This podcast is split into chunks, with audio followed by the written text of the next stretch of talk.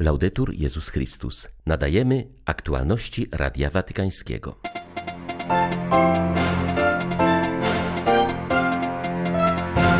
Możliwość wizyty Franciszka na Ukrainie jest coraz bardziej realna, choć nie uzgodniono jeszcze żadnego terminu, uważa ambasador tego kraju przy stolicy apostolskiej. Przed pokutną pielgrzymką Franciszka do Kanady zaczął działać Fundusz Pojednania. Ma on przełomowe znaczenie w procesie uzdrowienia z rdzennymi mieszkańcami tego kraju.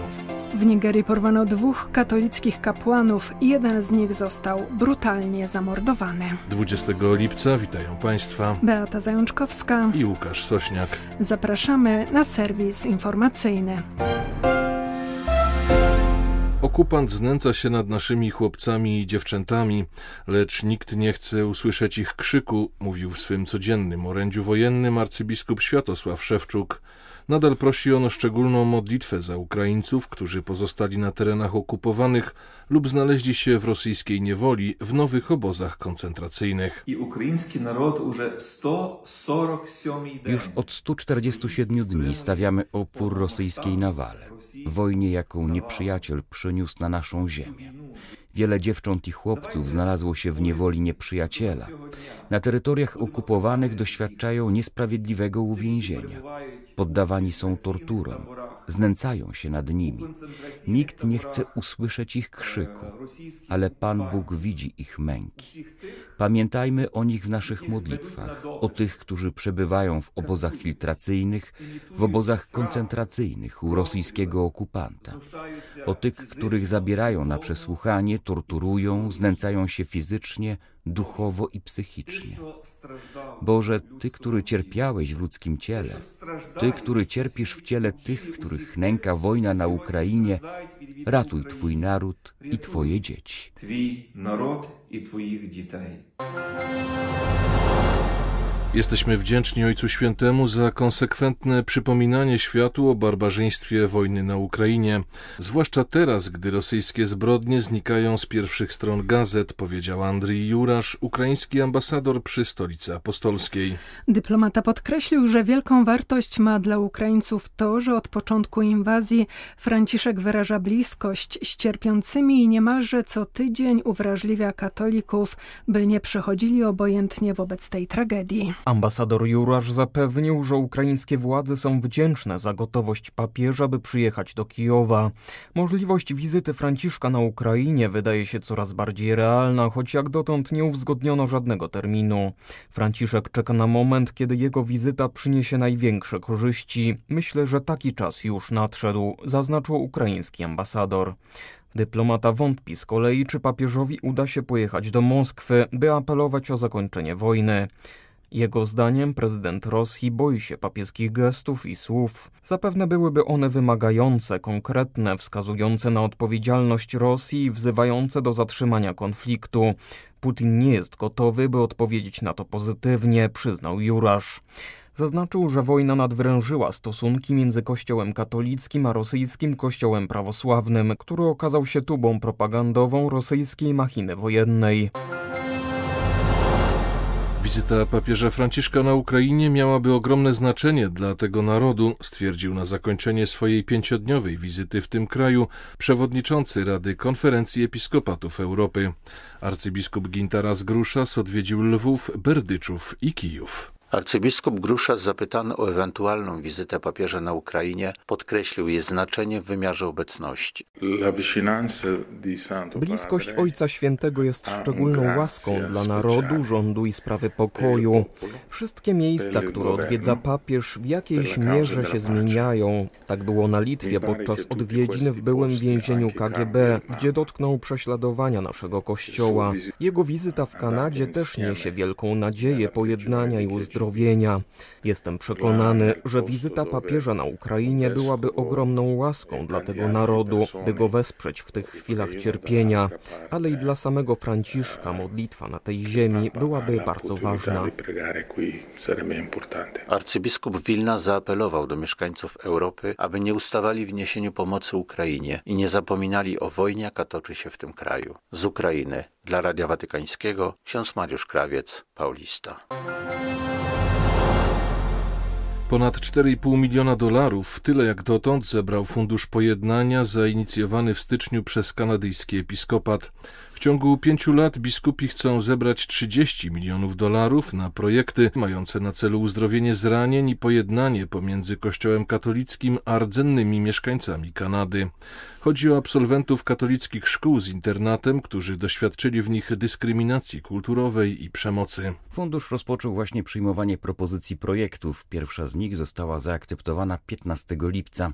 Wszystkie projekty, które napłyną, będą na bieżąco konsultowane z przedstawicielami społeczności Metysów i Inuitów. Nasza działalność ma przełomowe znaczenie w procesie uzdrowienia i pojednania, uważa przewodniczący funduszu. Najważniejszym elementem w tym procesie jest jednak zbliżająca się papieska podróż apostolska do Kanady i osobiste spotkania Franciszka z pokrzywdzonymi. Delegacje, które spotkały się już z papieżem w Watykanie, zaznaczają, że bardziej od materialnej rekompensaty rdzennych mieszkańców Kanady interesują przeprosiny Ojca Świętego złożone w imieniu Kościoła podczas zbliżającej się podróży oraz udostępnienie rodzinom zaginionych dzieci archiwów kościelnych, by mogły poznać los swych najbliższych. Zainicjowany i finansowany przez rząd system szkół rezydencjalnych w Kanadzie przez ponad 100 lat próbował zasymilować Metysów i Inuitów ze społecznością kanadyjską. Usiłowano to osiągnąć poprzez przymusowe odbieranie dzieci rodzicom i wysyłanie ich do placówek, w których często karano je za używanie ojczystego języka. Ofiary uważają, że działalność szkół rezydencjalnych była kulturowym ludobójstwem i pozostawiła w ich społecznościach głębokie blizny pokoleniowe. Bilans obowiązującego od czterech lat porozumienia z Chinami nie jest imponujący, ale stolica apostolska chce je odnowić, licząc, że jeśli uda się pomyślnie współpracować z chińskimi władzami w sprawie mianowania biskupów, to pomoże to obu stronom w podjęciu również innych kwestii. Mówi o tym szef papieskiej dyplomacji w wywiadzie dla jezuickiego czasopisma Ameryka. Dotyczy on relacji z Chinami, naruszenia wolności religijnej w Hongkongu oraz sytuacji w Ziemi Świętej. Arcybiskup Paul Gallagher przyznaje, że na mocy umowy z Pekinem przez cztery lata udało się mianować zaledwie sześciu biskupów. Oczekiwania były większe, jednakże na przeszkodzie stanął koronawirus, który uniemożliwił spotkania dwustronnych delegacji. Zapytany o krytykowane przez wielu azjatyckich kardynałów i biskupów utajnienie umowy, angielski arcybiskup tłumaczy to jej tymczasowością i możliwością jej ulepszania. Zapytany o ograniczanie wolności religijnej w Hongkongu, na co uskarżał się ostatnio tamtejszy biskup, arcybiskup Gallagher zapewnił, że stolica apostolska broni wolności religijnej i zachęca katolików do jak najlepszego wykorzystania tej wolności, którą mają. Dodaje zarazem, że wolność religijna nie jest dziś czymś oczywistym. Na tym polu dochodzi do wielu restrykcji. Stolica apostolska dąży do poprawy tej sytuacji zarówno w Hongkongu, jak i gdzie indziej, zapewnił szef watykańskiej dyplomacji. Odnosząc się do aresztowania 90-letniego kardynała Josefa Zena, arcybiskup Gallagher przyznał, że było ono zaskoczeniem, ponieważ stolica apostolska nie wiedziała o przynależności kardynała do organizacji udzielającej pomocy ofiarom represji po demokratycznych protestach w Hongkongu. Jest oczywiste, że władzom się to nie podobało. Mamy nadzieję, że uda się to pomyślnie rozwiązać w najbliższej przyszłości, dodaje arcybiskup Gallagher. W Nigerii trwa seria porwań księży dla okupu. To część prześladowania chrześcijan w tym kraju przez dżihadystów. Uprowadzony w zeszłym tygodniu ksiądz John Shettinum został zabity. Był życzliwym kapłanem, człowiekiem z ludu, kochanym przez wszystkich, którzy się z nim zetknęli. Opisują zamordowanego duszpasterza jego parafianie. Zamordowany kapłan został porwany razem z księdzem Donatusem Kleopasem. Obaj zostali uprowadzeni z plebanii Chrystusa Króla w regionie Lere. Ksiądz John został brutalnie zamordowany jeszcze tego samego dnia. Księdzu Donatusowi udało się uciec. Jak opisał, porywacze wzięli ich jako zakładników. Ponieważ ksiądz John nie był w stanie dość szybko biec, został zastrzelony, by nie spowalniać ucieczki bandytów. Wierni opisują go jako męczennika, serdecznego przyjaciela o wysokiej etyce pracy i troskliwego duszpasterza. Zawsze uśmiechnięty, dowcipny i oddany Bogu kapłan, który poważnie traktował posługę, powiedział jeden z parafian. Zostanie zapamiętany jako odważny głos w obronie uciśnionych, zwłaszcza prześladowanych chrześcijan. Nigeria jest doświadczona falą przemocy od dziesięcioleci, m.in. ze strony fundamentalistów Boko Haram, muzułmańskich pasterzy Fulani i ekstremistów państwa islamskiego. Od początku roku porowano około 20 księży, kilku straciło życie. W czerwcu miały miejsce masowe masakry w kościołach. Największej dokonano w stanie Ondo, gdzie w pięćdziesiątnice zginęło ponad 50 osób, w tym małe dzieci. Życie ukraińskich dzieci jest szczególnie zagrożone przez rosyjską agresję. Blisko 15,5 miliona przesiedlonych Ukraińców to kobiety z dziećmi. Niektóre rodziny nadal znajdują się w atakowanych rejonach. Dzieci są największymi poszkodowanymi tej wojny, straciły swoje dzieciństwo, powiedział Radiu Watykańskiemu ksiądz Wojciech Stasiewicz, dyrektor Caritas Spes Ukraina. Pomocy w zaatakowanym kraju potrzebuje ponad 3 miliony dzieci. Położenie nieletnich jest szczególnie ciężkie w rejonach, gdzie Rosjanie dziesiątkują infrastrukturę cywilną, domy, sierocińce i sieci kolejowe. Caritas niesie pomoc tym, którzy nie wyjechali przed atakami. Dzieci najmocniej przeżywają to, co widzą podczas wojny. Ich emocje są najbardziej widoczne, mówi ksiądz Stasiewicz. Jak zaznacza, najgorsza jest sytuacja tych, które muszą ukrywać się w schronach i piwnicach. To po nich najbardziej widać e, to zmęczenie, przygnębienie, stres, jakiś brak nadziei. Dzieci bardzo naśladują rodziców, szczególnie właśnie swoje matki czy babcie podczas wydawania właśnie pomocy humanitarnej kiedy stoją w kolejce, to widać jak te dzieci kalkują i upodabniają się do opiekunów, przygnębione, smutne, bez braku jakiejś radości, uśmiechu na twarzy. Mamy także pośród tych grup, którym pomagamy, dwie grupy dzieci, które niestety 24 lutego mieszkają w piwnicy Myślę, że to jest najbardziej taki dramatyczny widok tych dzieci wychodzących z piwnicy, żyją w najcięższych warunkach.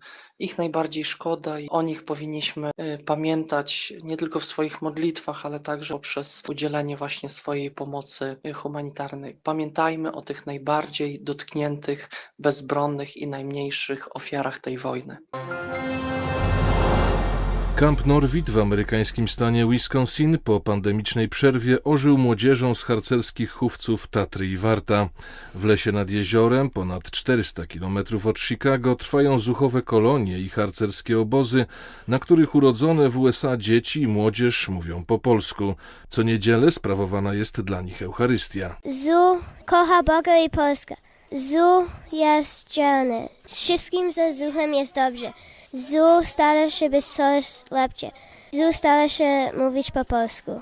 Zasady prawa zuchowego dzieci znają na pamięć. Na obóz przyjeżdżają chętnie. Żeby prawdziwie żyć po harcersku przez dwa tygodnie. Harcmistrzyni Barbara Hałko. Żeby to, co się nauczyli przez cały rok na zbiórkach, tutaj rozwinąć. Tutaj rozkwita u nich wiara w siebie. Przewodniczka Jadwiga Bogdanowicz dzielność, próbują nowych rzeczy, których by nie doświadczyły w domu. Tutaj jest nie zabawa, tylko poważnie musimy robić majsterki, musimy czyścić, musimy uważać na siebie. Na maszcie flagi polska i amerykańska. Organizatorzy dbają o wychowanie w duchu patriotycznym i religijnym, także poprzez niedzielne msze. Dlaczego? Bo ślubujemy służbę Bogu, Polsce i bliźnim. Z Camp Norwid, Wisconsin dla Radia Watykańskiego ksiądz Józef Polak, jezuita. Były to aktualności Radia Watykańskiego. Laudetur Jezus Chrystus.